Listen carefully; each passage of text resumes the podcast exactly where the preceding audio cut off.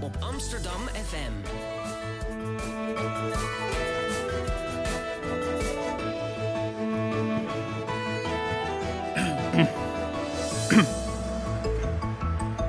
Radio Swammerdam.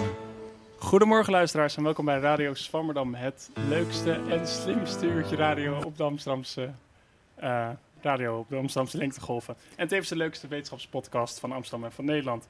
Eh, vandaag hebben we weer een hele interessante uitzending voor jullie in petto in ons nieuwe dossier Grensgevallen. Ehm, zoals jullie misschien wel weten, in onze dossiers gaan we verder in op een bepaald onderwerp of een bepaald thema. En in dit dossier staat centraal ehm, de grenzen van de wetenschap. En houden we ons eigenlijk bezig met het bekende demarcatieprobleem. Ehm, wat is wetenschap en wat is geen wetenschap? En wat kunnen we niet meer als- als wetenschap beschouwen? Ehm, dit is ook wel eh, Pop, door Popper beschreven en hij beschreef het demarcatieprobleem als de sleutel tot de meest fundamentele problemen van de filosofie van de wetenschap. Ehm, nou, deze problemen gaan we dus in dit dossier verder verkennen. En vandaag beginnen we daarom bij te begin. We kijken naar wetenschap, hoe die zich heeft ontwikkeld en hoe die zich verhoudt tot de maatschappij. Ehm, we gaan daar het komende uur over hebben. En dat doen we zoals altijd aan de hand van relevant recente onderzoek door Amsterdamse wetenschappers.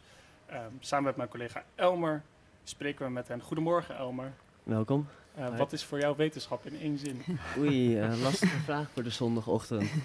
Ehm, ja, wetenschap. Dus ik denk ja, op zoek gaan naar de waarheid. eh, achterhalen van wat is of voor hoe iets echt is. Zou ik zeggen? Ja, uitstu- ja, Is, ja. Ja, dat zou ik ook ongeveer zeggen. Daarnaast hebben we hier Amat Mcharek aan tafel. Eh, zij is hoogleraar antropologie van de wetenschap aan de Universiteit van Amsterdam. En in haar oratie van afgelopen september stelde zij het interactief verkeer tussen maatschappij en wetenschap eh, voor als een nieuw object van studie. Dat klinkt ingewikkeld, daar gaan we het zo meteen wat uitgebreider over hebben. Ehm, goedemorgen. Goedemorgen. Wat is in één zin voor jou wetenschap? Ja, nu moet ik het echte antwoord geven. Hè? Ja. Ja. ehm, het is in ieder geval niet wat we standaard denken dat het eh, een kwestie is van een goede theorie of de goede, goede methode.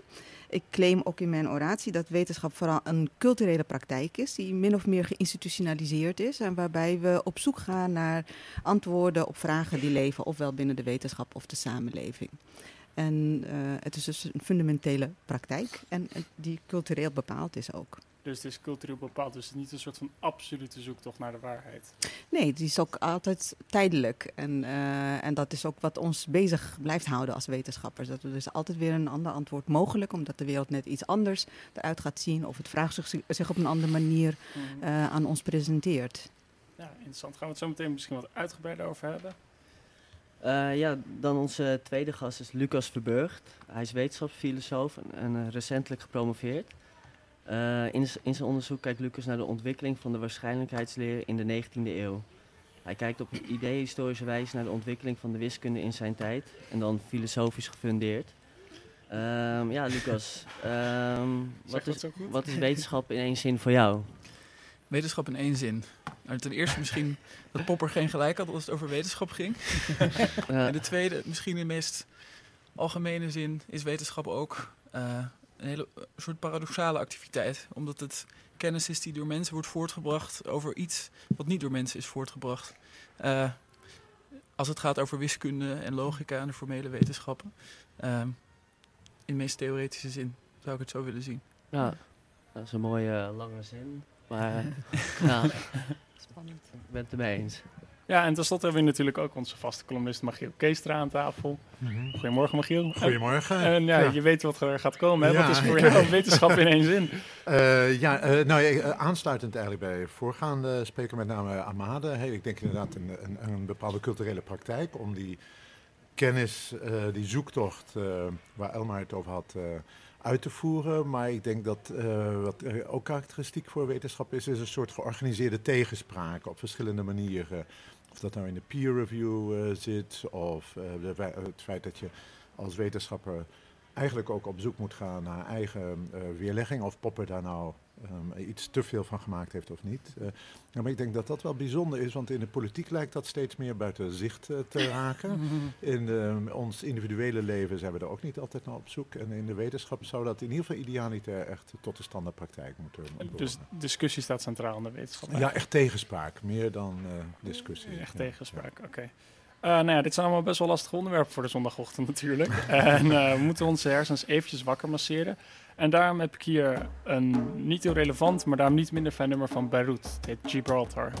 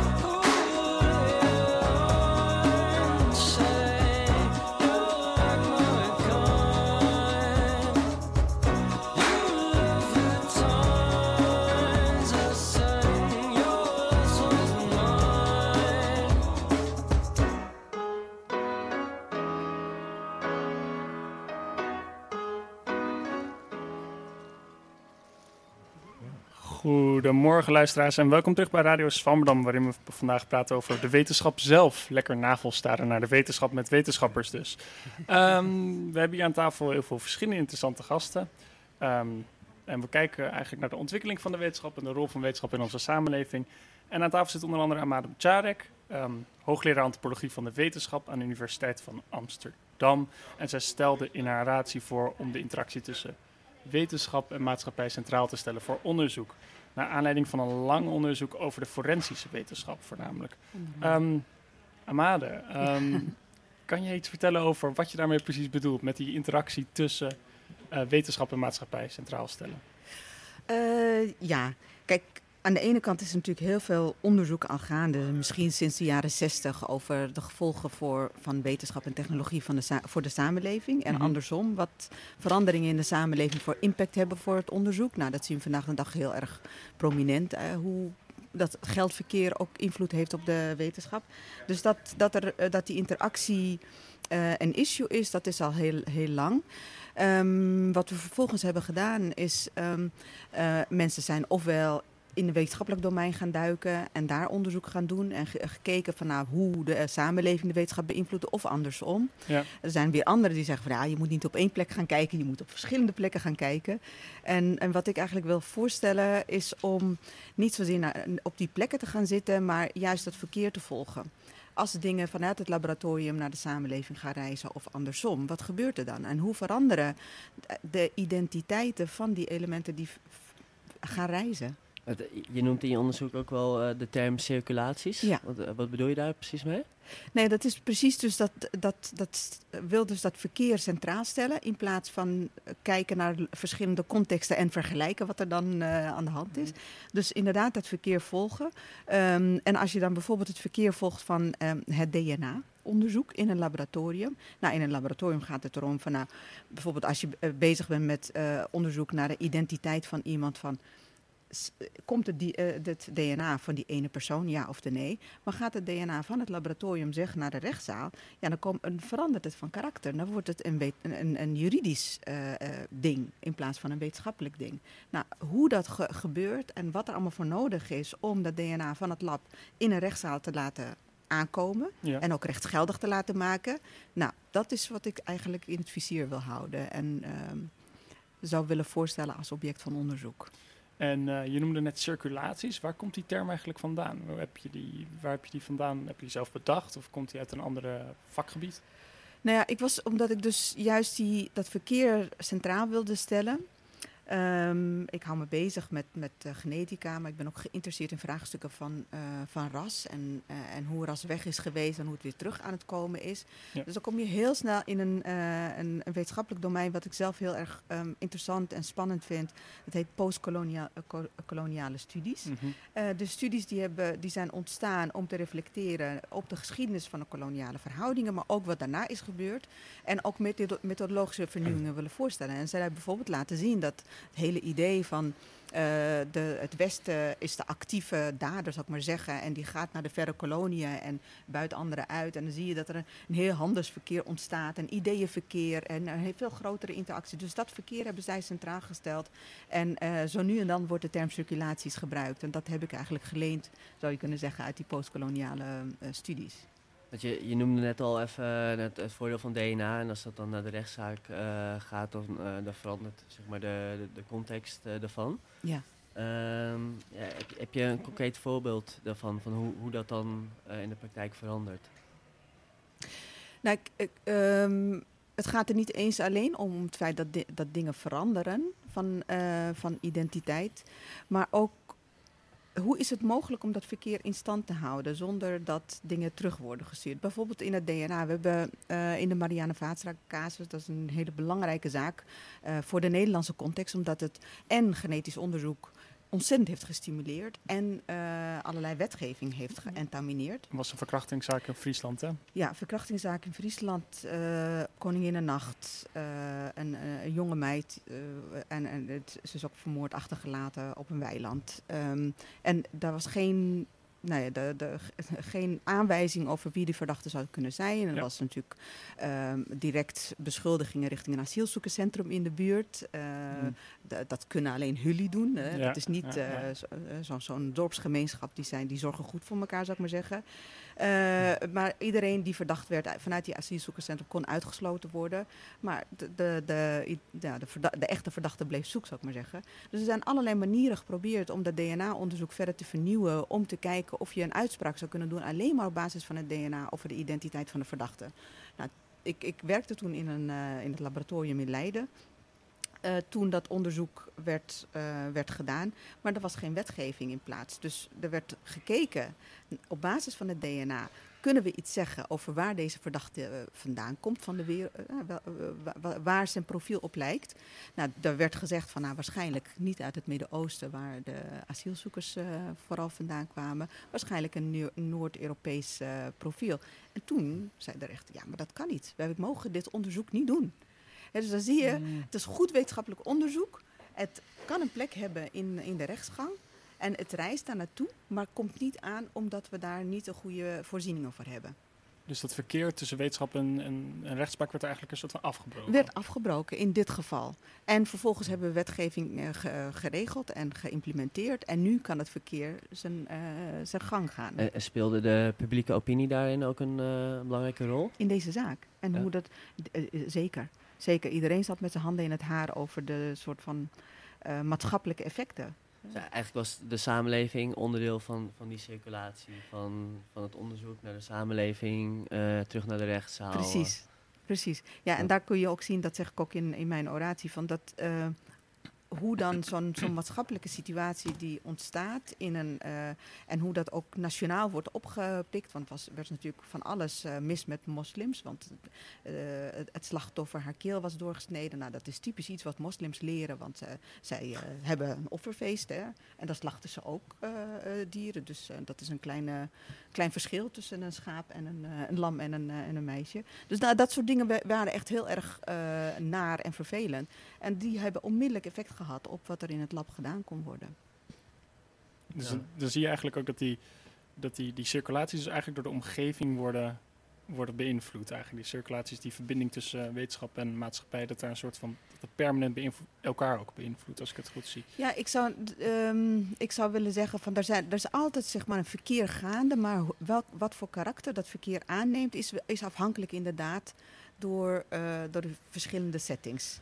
Dus eh, het feit dat het in, in Friesland toen de situatie zo, eh, ja, zo naar werd, zou ik maar zeggen, en, en, en ook, eh, ook voor de lokale omgeving, dat, dat, dat dan onmiddellijk zeg maar, effect had op wat er in het, in het laboratorium gebeurt, dat is, dat is heel, heel specifiek, zou ik maar zeggen.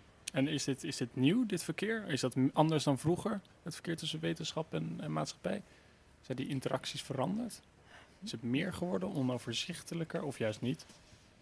Ik zou wel willen stellen dat het ja, meer is geworden. In, mm, eh, ik denk dat de kwestie tijd een issue is. En dat komt ook met de soort van media die we vandaag de dag eh, hebben. Waardoor interacties veel sneller gaan. Eh, ik bedoel, waar je vroeger een, een brief moest schrijven. dat er Ja. misschien een maand over deed voordat het aankwam bij de wetenschapper. Doe je dat nu gewoon eigenlijk met een druk op de knop. En dat is een hele andere. Dat, dat maakt zeg maar, het soort van verkeer veel intenser. Eh, de effecten ook veel groter, zou, zou ik willen zeggen. Dus veel intensievere ehm, eh, effecten. Dus dat, dat vraagt wel om, aandacht, vind ik. Ja, en, en is het ook zo dat eigenlijk de rol van de wetenschapper hierdoor dan veranderd is? Dat hij vroeger eigenlijk veel meer wetenschapper was op een afgebakend eilandje. En dat hij nu, doordat hij in deze loop zit van verkeer, dat hij tussen maatschappij en wetenschap een andere rol krijgt? Of eh, wat is dat effect daarvan tussen verkeer en tussen dat wetenschappelijk verkeer, verkeer, wetenschap, maatschappij? Is een en goede vraag. Ik zou die niet zo ehm, snel kunnen beantwoorden, want dat is, dat is gewoon vrij complex. Je hebt een ontzettende eh, diversificatie tussen wa- eh, wetenschapper. Hè. De ene wetenschapper is meer goed in eh, met de media praten, de andere meer goed, beter in aanvragen indienen en die gehonoreerd krijgen. En de andere Ja, ja. die houdt ervan om rustig achter zijn bureau te zitten en een mooi boek te schrijven. Er zijn heel verschillende soorten van, van wetenschappers. En het effect op de wetenschapper dus dat, is, dat zal waarschijnlijk gediversifieerder eh, moeten worden. Maar ik denk, ja, ik denk wel dat, dat we met z'n allen daar effect van ondervinden. Dat, is, dat staat denk ik wel Ja. buiten kijf. En juist door die snelheid waarmee alles eh, gaat. Wat je noemt in je, in je oratie, volgens mij ook circulaties, zijn permanent. En Ja. kunnen alleen actief gestopt worden. Ja. eh, eh, dus eigenlijk een soort van onderdeel van, hoe, hoe de natuur eh, werkt. Ja.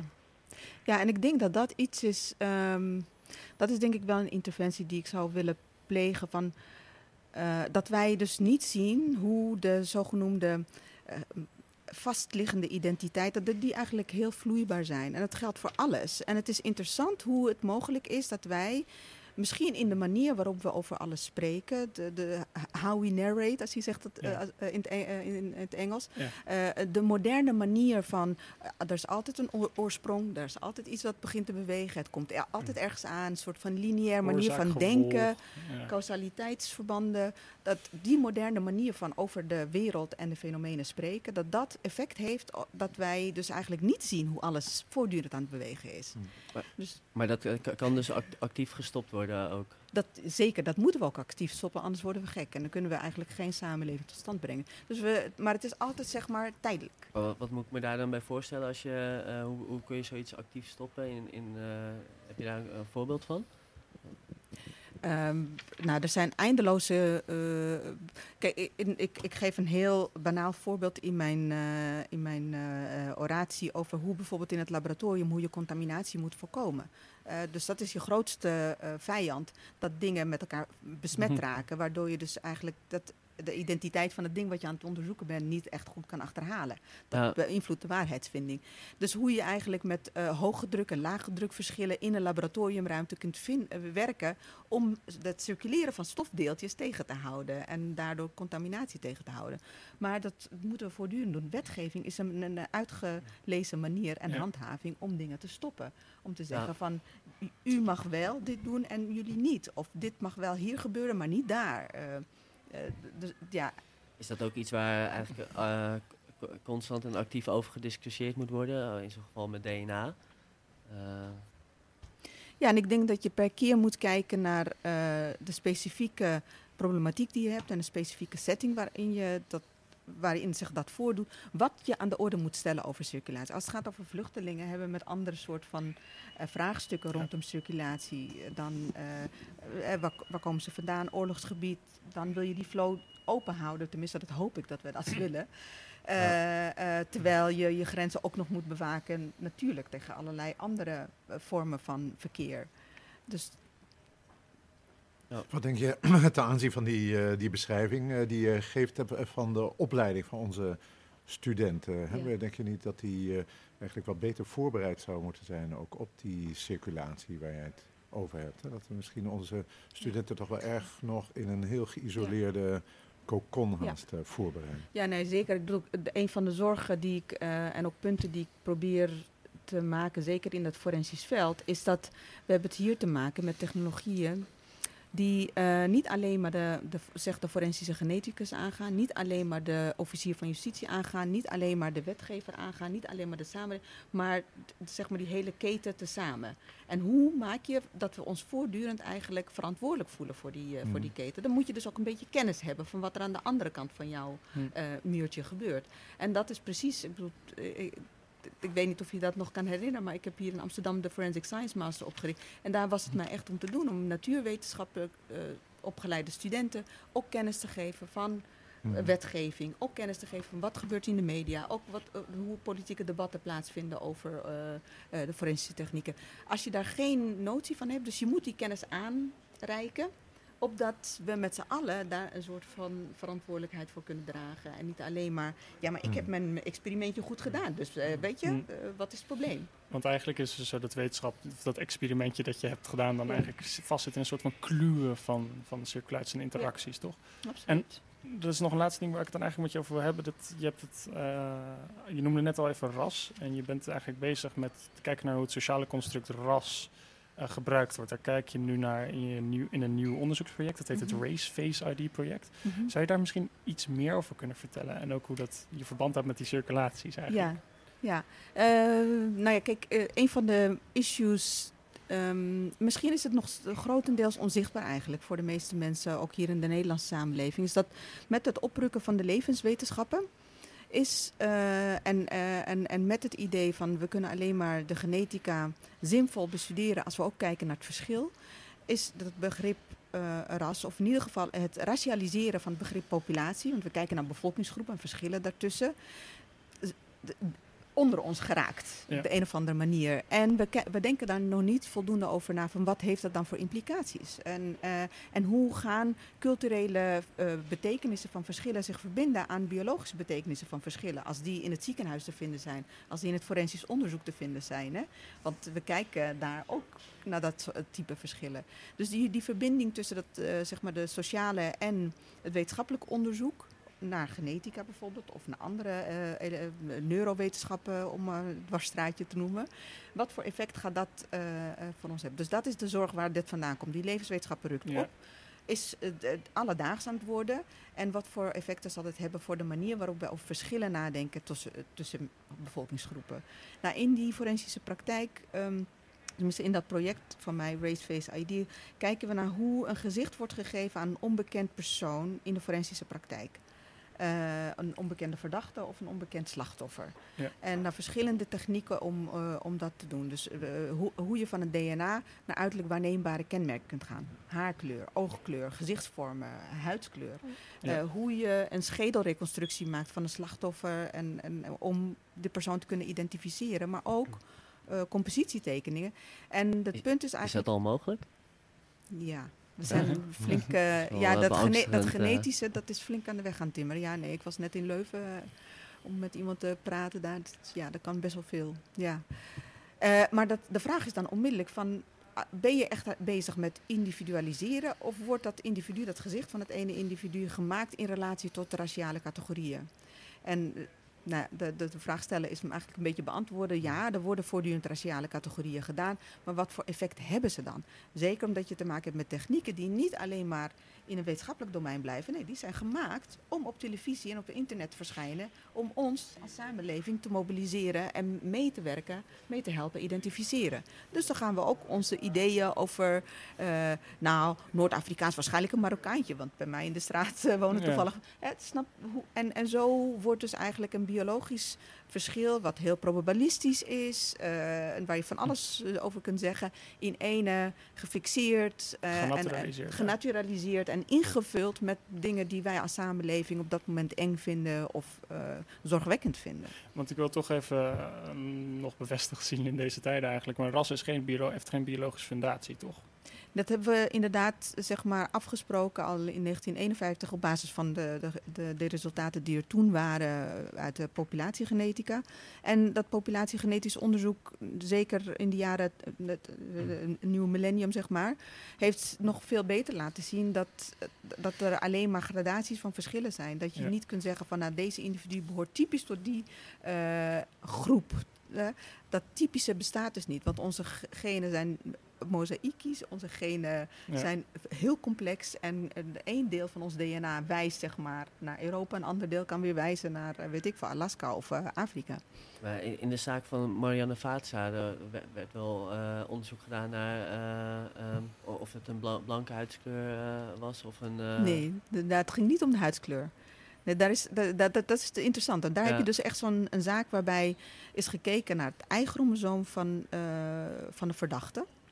Mhm. wat op spermasporen is gevonden. Het eichromosoom is het mannelijk seksenchromosoom. En op basis daarvan kun je zeggen van nou, de geografische afstamming, de- het eichromosoom komt vaker voor in dit deel van de wereld en minder vaak. En onmiddellijk is dan eh, gezegd toen dat naar buiten kwam van ah, het is dus een blanke man. Ja. En dat, dat, die stap kun je je dus hoe niet maken. Dus hier zie je hoe die koppel gemaakt wordt. Dus ja, je kan alleen spreken over een, een waarschijnlijkheidsfactor. Of, eh, Het is een waarschijnlijkheidsfactor. En we weten ook dat heel veel eh, eh, zwart uitziende mannen een Europees eichromosoom hebben, puur door slavernijgeschiedenis. Al die Hmm. witte mannen die kinderen hebben gemaakt bij zwarte vrouwen. Ja. Eh, daar heb je dus jonge, eh, eh, mannen met een, een zogenoemd Europees of een, een eichromosoom dat veel vaker voorkomt in Europa. En dat heeft een historische eh, eh, reden.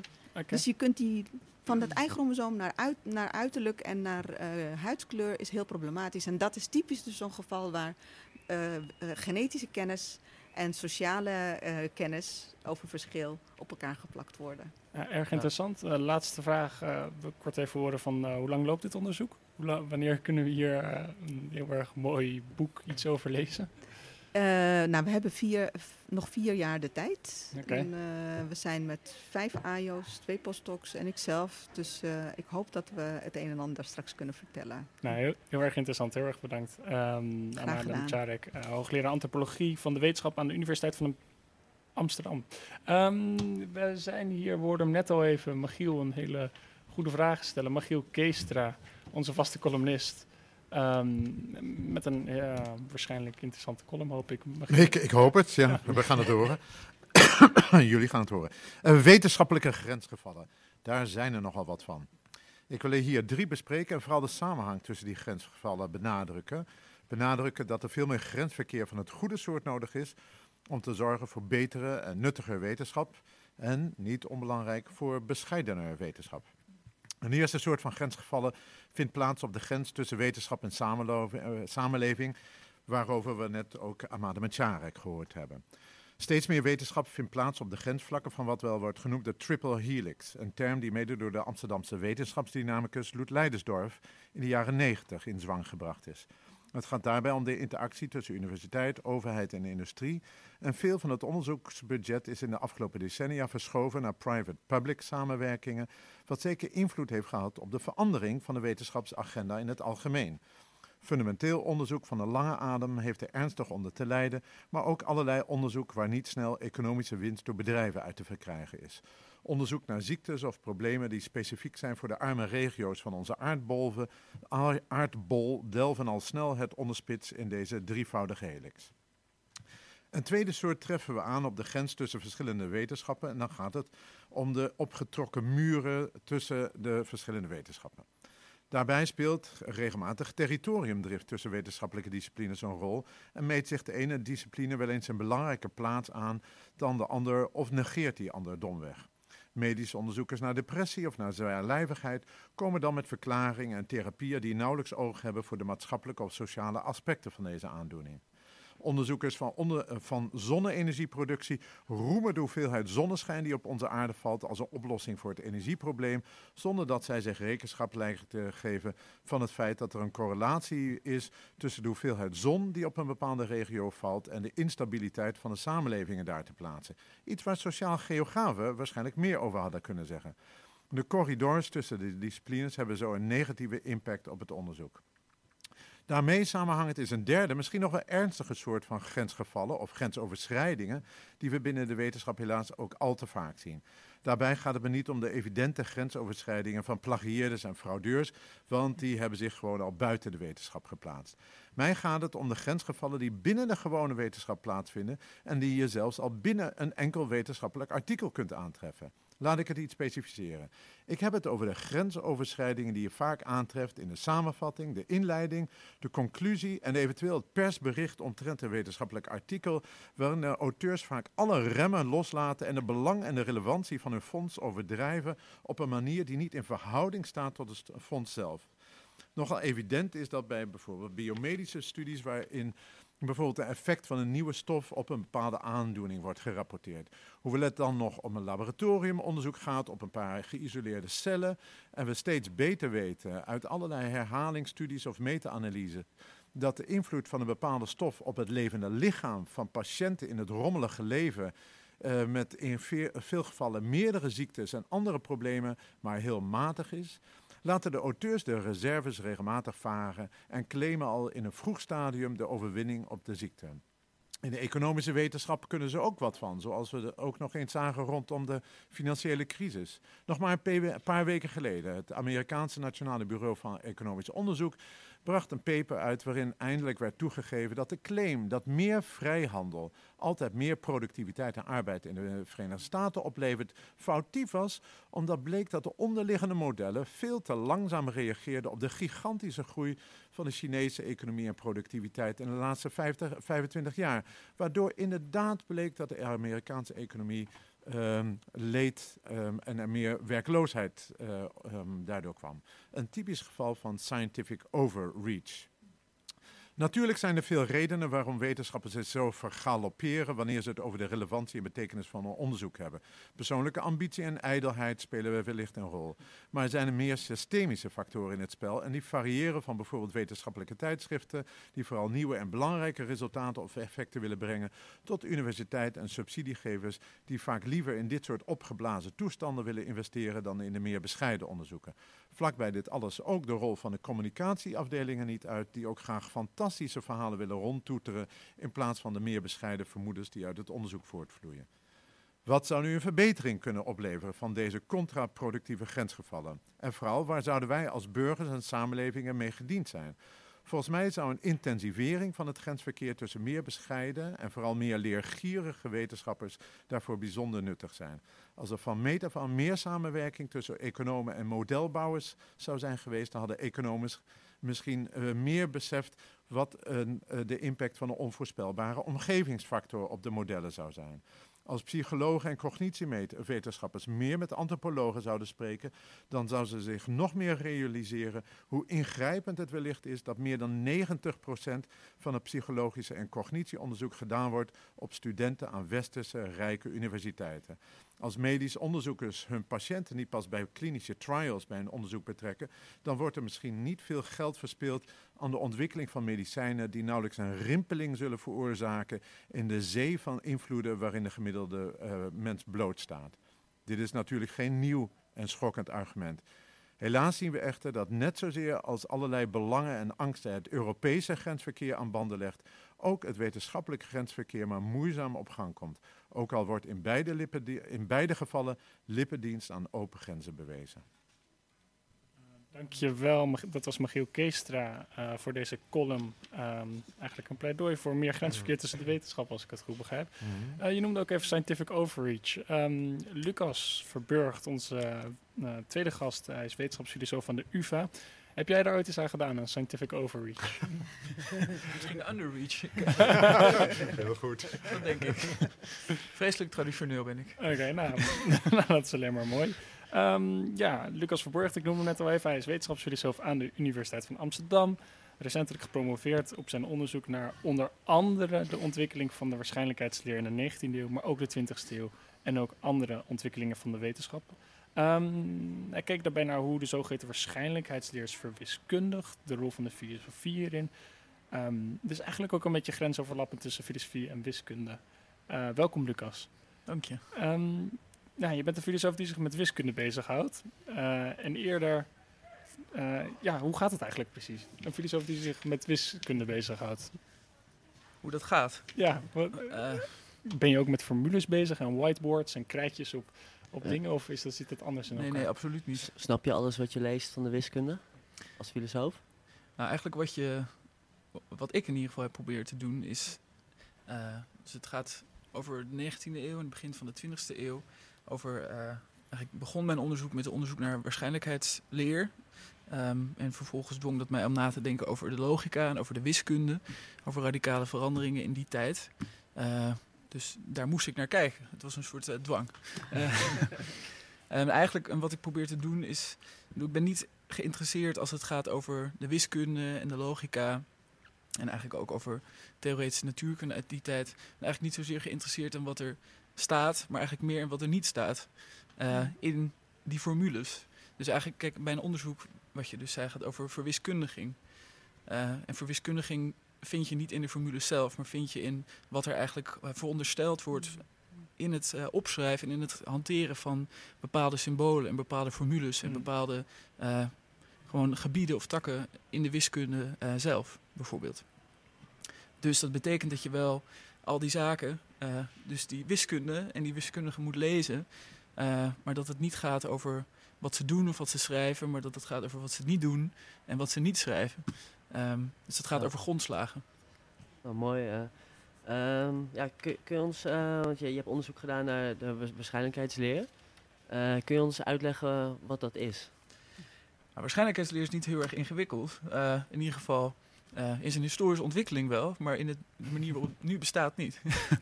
um, want de waarschijnlijkheidsleer is nu vanaf de derde, derde decennium van de 20e eeuw, 1933, was een soort het beginpunt van de, van de waarschijnlijkheidsleer. Is het gewoon een tak van de wiskunde. Dus het is een tak van de wiskunde die zich bezighoudt met uh, toevalsprocessen.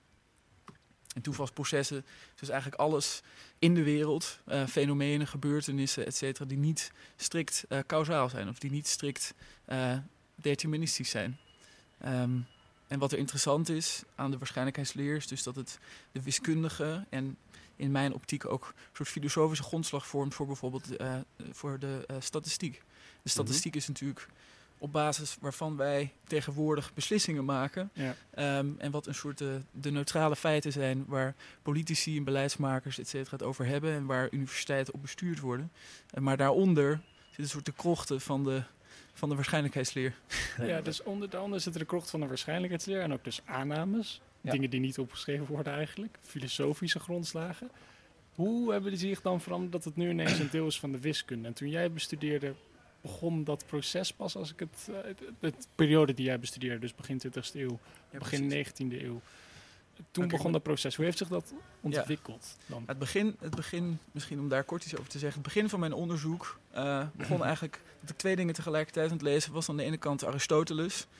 Ja, die moet je dan soms even openslaan. als je toch filosofie doet. ja. Daar kun je niet omheen. Eh, dus ik was Aristoteles aan het lezen en tegelijkertijd was ik Kolmogorov aan het lezen. Dat is de figuur die in 1933 eh, de, de waarschijnlijkheidsleer, dus in wiskundige zin, formuleerde.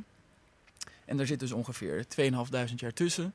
En toen las ik Aristoteles, die zegt in zijn fysica... eh, er is niet zoiets mogelijk als demonstratieve kennis van toeval. En toen las ik Kolmogorov en toen zag ik zes axioma's. Dus dat zijn een soort wiskundige stellingen in allemaal wiskundige symbolen. Eh, en daar eh, schreef Kolmogorov hieronder staan zes axioma's die definiëren eh, in wiskundige termen wat toeval is. Toen dacht ik, er moet iets gebeurd zijn in die 2.500 jaar. En wat is er dan precies gebeurd? Eh, en dat was eigenlijk het begin van mijn onderzoek.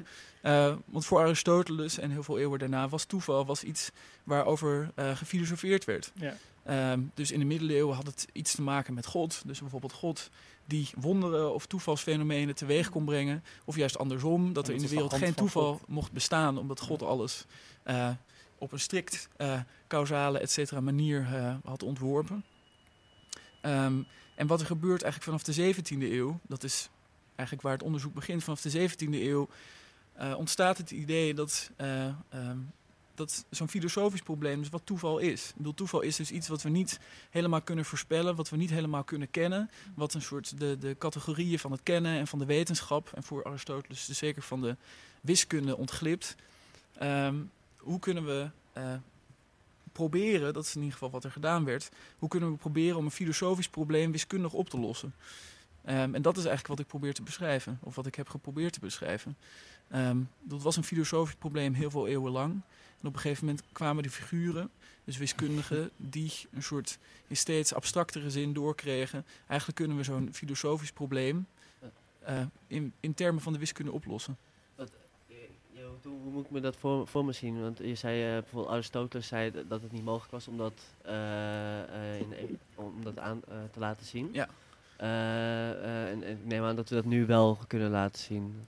Nou ja, dat is, dat is het mooie als je de, de geschiedenis van de, van, de, van de wetenschap bekijkt. Kijk, Aristoteles had bijvoorbeeld eigenlijk meer begrepen van de kwantummechanica dan Newton. Eh, dus er zitten natuurlijk historische eh, contingenties en historische eh, vreemdheden in. Dus als het, ook als het gaat over toeval of over waarschijnlijkheid, als, had Aristoteles wel iets, iets ervan begrepen. Omdat het natuurlijk, het is een heel vreemd idee als je zegt over toeval is iets wat we eh, niet kunnen kennen, waar we geen zekere kennis Het over kunnen verkrijgen. eigenlijk. Precies. En in termen waarin we het uitdrukken, zijn termen van de wiskunde. En de wiskunde is natuurlijk bij uitstek het domein van zekere demonstratieve, Ja. onwrikbare kennis. Ja. Dus Aristoteles legde natuurlijk wel iets bloot door duidelijk te maken dat het een paradox of iets vreemds lijkt wanneer we in termen van eh, absoluut zekere kennis iets uitdrukken waarvan we weten dat het eh, niet volledig kenbaar is. Ehm, dus daar begon het. Ja, ik vraag me af, heeft het er niet ook mee te maken dat, eh, eh, dat het idee van kennis eh, gaandeweg veranderd is? Hè? Dat waar Aristoteles, eh, als hij het over kennis heeft, dan moeten we ook weten, als het ware, het mechanisme wat tot Mhm. een verandering leidt. En die, die eis, hè, dat je bij kennis ook altijd weet waardoor iets komt, welke factoren daarbij een rol spelen, die is langzamerhand komen te vervallen. En eh, hebben wetenschappers steeds meer gezegd, nou, als we eerst nog maar eens goed kunnen beschrijven wat er eigenlijk plaatsvindt en Mhm. eventueel dan verschillende factoren een bepaalde kans ehm, toebedelen, dan hoeven we wat, die, die claim die Aristoteles nog maakte, die Ja. hoeven we misschien niet meer eh, te beantwoorden. Nee, nee, het is natuurlijk een van de. Of om terug te komen op de beginvraag: wat is wetenschap? We- wat wetenschap is, Ja. kun je natuurlijk geen algemeen antwoord op geven als je historisch onderzoek doet. Omdat eh, door wat wetenschap is, is dus historisch veranderlijk. Dus Newton was een natuurfilosoof. Het woord wetenschapper ontstond in de 19e eeuw. En wetenschappers weten vaak zelf niet echt wat wetenschap nou precies is.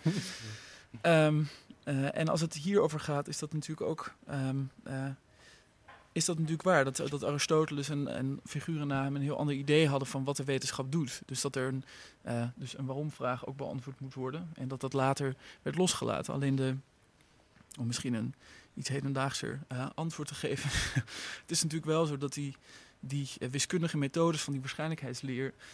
ehm, eh, die roepen een probleem op wat eigenlijk een terugkeer is van het probleem zoals dat door Mhm. Aristoteles gesuggereerd werd. Omdat we weten nu, dus in de, in de moderne natuurkunde, dat we waarschijnlijkheid nodig hebben om de, de, de, de aard van de realiteit te beschrijven. Ja. En natuurlijk doet zich dan op een gegeven moment de vraag voor, maar als we die waarschijnlijkheidstheorie dan gebruiken om de aard van de realiteit te beschrijven, wat zijn die waarschijnlijkheden, waarschijnlijkheden dan precies? Ja. Dus opnieuw, zeg maar, in dus zo'n historische eh, kreuk eh, komt een vraag die op basis van een andere opvatting van wetenschap ontstond in eh, een nieuwe wetenschap zoals die vandaag de dag hier in Amsterdam heel veel plekken in de wereld wordt beoefend, ehm, komt onvermijdelijk misschien eh, weer terug. Eh, ei- eigenlijk is, is dus toeval nog steeds wel iets, een- benaming voor iets wat we niet, niet helemaal kunnen verklaren. Nou ja, dat, kijk, over toeval nadenken is heel, is heel erg ingewikkeld. Ehm, omdat Ja. Kijk, als je zou zeggen dat het niet zo is wat jij zegt, dan is dus de vraag, als je zegt toeval is iets waarvan we nu weten dat we het wel kunnen kennen, dan kun je dus vragen, maar wat is er dan nog toevallig aan? Ja. Ehm, Ja. Dus kijk, als je, ehm, zo, zolang je ervan uitgaat dat er zoiets is als toeval, of dat er toevalsfenomenen zijn, dus zoals Hm. bijvoorbeeld eh, in de kwantummechanica toepassingen of eh, delen daarvan eh, een belangrijke rol in speelt, moet je ergens, om zeg maar de toevalskarakter te behouden, moet je er eh, van uitgaan. En moet het zo zijn dat er iets aan is wat, wat het anders maakt dan strikt causale, strikt deterministische fenomenen of processen. Dus dit is dus de, de problematiek waar je dan mee bezig bent om eh, over toeval na te denken op een manier die eh, het karakter van, eh, het toevallige karakter ervan nog weet te vatten. Oké, en nu zeg je dat die toeval is op een gegeven moment verwiskundigd in de waarschijnlijkheidsleer in de 19e eeuw, begin 20e eeuw. En heeft zich ontpopt tot die waarschijnlijkheidsleer, de kansberekening, de statistiek zoals we dat nu kennen. Ja. Waardoor komt die breuk? Was dat ook puur toeval, om het maar even heel lullig te zeggen? Of was het een Eureka-momentje? Of wat heeft die breuk veroorzaakt, historisch gezien? Ja. Nee, mijn, mijn onderzoek gaat dus over, over filosofie en geschiedenis van, van het exacte denken. Zo Ja. zou ik het zelf willen zien. Dus over eh, wat ik zei, het begon dus met een soort inzicht of een vraagstuk binnen de waarschijnlijkheidsleer of nadenken over toeval. En eh, om in te zien wat er gebeurde in die 19e eeuw en in die 20e eeuw, waardoor waarschijnlijkheid of toeval verwiskundigd werd, was het nodig om te kijken naar belangrijke gebeurtenissen en eh, radicale gebeurtenissen in de wiskunde logica in de 19e eeuw. En wat in die tijd gebeurde, was dat zowel in de wiskunde als de logica en eh, dus eigenlijk ook in de waarschijnlijkheidstheorie later, dat er zich een eigenlijk revolutionaire ideeën zich voordelen, omdat er werd gebroken met een, met een eeuwenlange traditie. Dus bijvoorbeeld in de logica, kijk, als we toch even weer terugkomen op Aristoteles. Aristoteles was in de, nou zeg 17e eeuw, was Aristoteles als het ging over de natuurkunde al voorkomen achterhaald. Eh, alleen pas ongeveer in 18, nou ja, de, eerste decennia van de, van de 19e eeuw werd Aristoteles ook achterhaald als het gaat over de logica. Ehm, en dat is, dat is dan waar het over gaat. Dat er dus afscheid wordt genomen. Ehm, en dat is wat voor, eh, voor figuren die wetenschap doen, of logica of wiskunde doen, altijd ingewikkeld. Dat je afscheid moet nemen van een traditie. Omdat er dan, bedoel, dat zijn de revoluties die gebeuren. Dat zijn de radicale omwentelingen waarin wetenschappers en ook in de wiskunde logica niet meer precies weten waar die logica en die wiskunde nou begint en waar die logica en wiskunde ophoudt. Dus wat het nou precies is. Dus, dus ze komen op onbekend terrein terecht. Ze komen op onbekend terrein en ze werden, of tenminste dat is wat ik, eh, hoe ik het zou willen zien, En- kwamen die eh, wiskundigen en logici, later waarschijnlijkheidstheoretici, ook terecht in een eh, situatie waarin ze eigenlijk gedwongen werden, gedwongen werden om te filosoferen. Ehm, omdat ze eh, geconfronteerd werden, dat is wat in de wiskunde bijvoorbeeld gebeurde in de 19e eeuw, dat eh, oneindigheid eh, centraal kwam te staan in de wiskunde. Ja. Maar oneindigheid is natuurlijk een probleem wat sinds het begin van, eh, van het menselijk denken eh, een probleem is. Het opeens popt zo'n probleem op Ja. in het, in het midden, in het middelpunt van, van wat de wiskunde is. En moesten wiskundigen opeens gaan nadenken, maar bestaat dat dan wel echt oneindigheid? En hoe, hoe kunnen we dat dan uitdrukken? Dus eigenlijk werd die grens tussen filosofie en wiskunde ook hier weer heel vloeibaar tussen die twee disciplines. Ja. Ja. Dat kwam eigenlijk naar neer. Amade, hoe kijk jij hier naar? Als vanuit, jou, eh, vanuit jouw eh, kant, vanuit jouw hoek. Oeh, eh, ja, moeilijke. Ik zit eigenlijk een beetje ademloos te luisteren Want- naar, naar Lucas. Want vind- DNA-onderzoek komt ook waarschijnlijkheidsleer voor. toch? Eh, Kansberekening. ja, kansberekening, probabiliteit, dat is, dat is heel belangrijk, dat is heel cruciaal. Dat heeft eh, DNA gemaakt en gebroken en toen weer gemaakt, zou ik maar zeggen. Door dat goed eh, eh, te ondervangen van wat, wat kun je wel zeggen op basis van het DNA en wat kun je niet zeggen. Omdat Mm. je steeds, je, je, als je een DNA-profiel maakt, ben je niet bezig om het hele, de hele genetische kaart van een individu eh, eh, in kaart te brengen, maar een heel klein stukje. Dus je moet bepalen in hoeverre komt dit profiel wat ik van deze, dit individu heb overeen met een ander profiel van een individu daarbuiten. Dat weet je niet. Dat, dat komt voor. Er is een keertje in eh, de DNA-databank in, in Groot-Brittannië, ik geloof in 2006, is er een match gevonden tussen twee ongerelateerde individuen. en ja, dat, dat is gewoon je horror scenario. Dus, eh, Omdat er toch zoveel waarheid aan wordt gehecht aan die Ja, zeker. kansberekening. Ah, natuurlijk. Ja, ja. Eh, eh, als je dan bijvoorbeeld dit voorbeeld neemt en je, je gaat hiermee terug naar de 18e en 19e eeuw. ehm, ja, hoe, hoe zou dat probleem eh, eh, toen behandeld zijn eh, in vergelijking tot nu? Toeval. Nou ja, door de toepassingen, de toepassing van de waarschijnlijkheidsleer in termen van, van statistisch onderzoek en dat soort zaken, dat bestaat, bestaat, al, heel erg, bestaat al heel erg lang. Mm. Het gaat er natuurlijk, de, de belangrijke vraag eh, hierover, als je het een soort historisch bekijkt, is. eh, dat gaat natuurlijk over kennis. Dus over de vraag of je, of je. En dat was een paar eeuwen geleden niet zo. Dus dat heeft te maken met die verandering in wat wetenschap is, wat wetenschappelijke kennis is. Dat zeg maar statistische, eh, statistische inferenties of dat soort zaken werden niet gezien als, als een basis voor, voor, voor wetenschappelijke kennis. Mhm. Eh, En in ieder geval ook niet als een basis waarop we eh, eh, Speelt politiek daarbij eh, niet ook een rol, en dan komen we toch weer op die, eh, die helix, eh, Hm. dat de statistiek eigenlijk in het begin van de 19e eeuw onder andere door verzekeringen, eh, hè, opkomende nieuwe Ja. tak van eh, economische sport, eh, werd ontwikkeld. En, en, eh, en hoe heet het, overheden die wat zicht wilden krijgen op populatieontwikkelingen. Dus je ziet eh, dat er misschien van niet-wetenschappers ook een enorme eh, eh, push of pull factor eh, uitgaat. Nee, De, de, de, ehm, de- voor, de, voor de waarschijnlijkheid, de, de relatie tussen waarschijnlijkheidsleer en statistiek is een heel ingewikkelde, Mhm. historisch en theoretisch gezien. Ik bedoel, de waarschijnlijkheidsleer is dus een wiskundige methode. En Mhm. daarvoor was het handig, dus dat was eigenlijk al vanaf de 16e eeuw, dat er data zijn op basis waarvan je kan laten zien dat die, die wiskundige methode of berekeningen ook ergens, eh, ergens mee te Mhm. maken hebben. En statistiek heeft natuurlijk een, een beroemde geschiedenis als de, de, de wetenschap van de staat.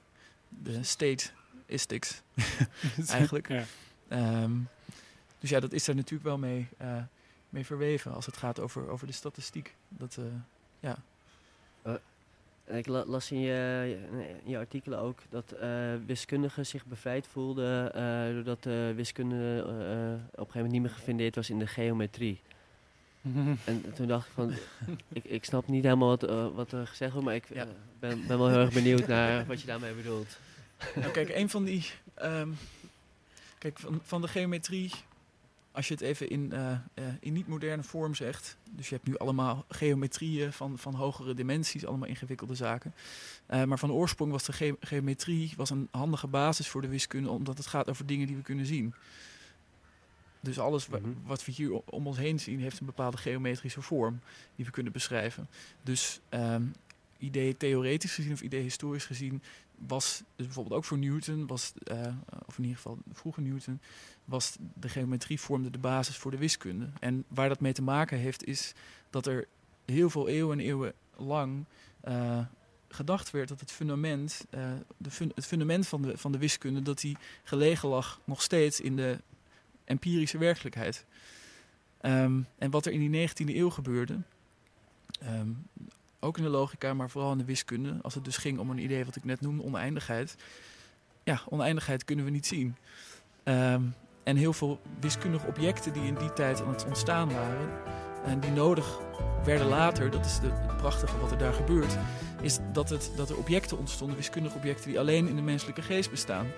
Dus die hogere, hogere dimensies, geometrieën eh, bijvoorbeeld, en, de, eh, en nieuwe getallen die ontstonden, complexe imaginaire getallen, et cetera. Ehm, het nadenken daarover, dus als objecten van de menselijke geest, eh, dat zorgde dat er een breuk ontstond met een ouder idee, namelijk dat de wiskunde gegrond is in wat we zien.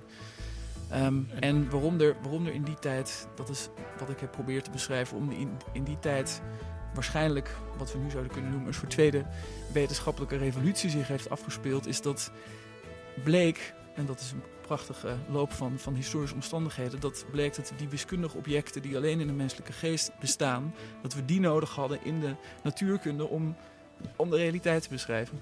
Een tweede wetenschappelijke revolutie, hartstikke interessant. Dankjewel Lucas Verburgt, wetenschapsfilosoof van de UvA. Ik hoorde eindtune al. Um, Lucas, heel kort, waar kunnen we, kunnen we meer van jou lezen? Komt er een boek? Er is een boek, dus is een, dit is mijn proefschrift, maar ik weet niet of iemand eraan wil beginnen. uh, als iemand dat wel wil, dan kan hij natuurlijk gewoon een mail sturen naar mij. Oké. Okay. Dan stuur ik dat met alle liefde op. En uh, artikelen en zo op internet kun je dat vinden. Oké, okay, nou hartstikke mooi. Ik wil mijn gasten bedanken. aan Madam Tjarik, hoogleraar antropologie van de wetenschap aan de UvA. En u hoorde hem net al, Lucas Verburgt, wetenschapsfilosoof aan de UvA. Ik wil ook Elmar bedanken, mijn uh, tweede presentator. En hier Michiel Keestra, onze vaste columnist, voor zijn goede column. Uh, later vanmiddag komen de fragmenten op de website van Amsterdam FM en op Soundcloud. Uh, uh, ik wil ook graag de technicus bedanken, uh, Misha Melita. En daarnaast abonneer vooral op de podcast, de Radio Swammerdam podcast, te vinden in iTunes en in Stitcher. En dan kunt u lekker in de trein, bus of auto verder luisteren. Um, volgende week zijn we er weer met een interessante uitzending. Ditmaal over de fundamenten van de werkelijkheid. Het gaat dan over leven. Ik zie u graag volgende week terug. Of ik hoor, wil dat u luistert. En ik wens u nog een hele fijne zondag. Dank u wel.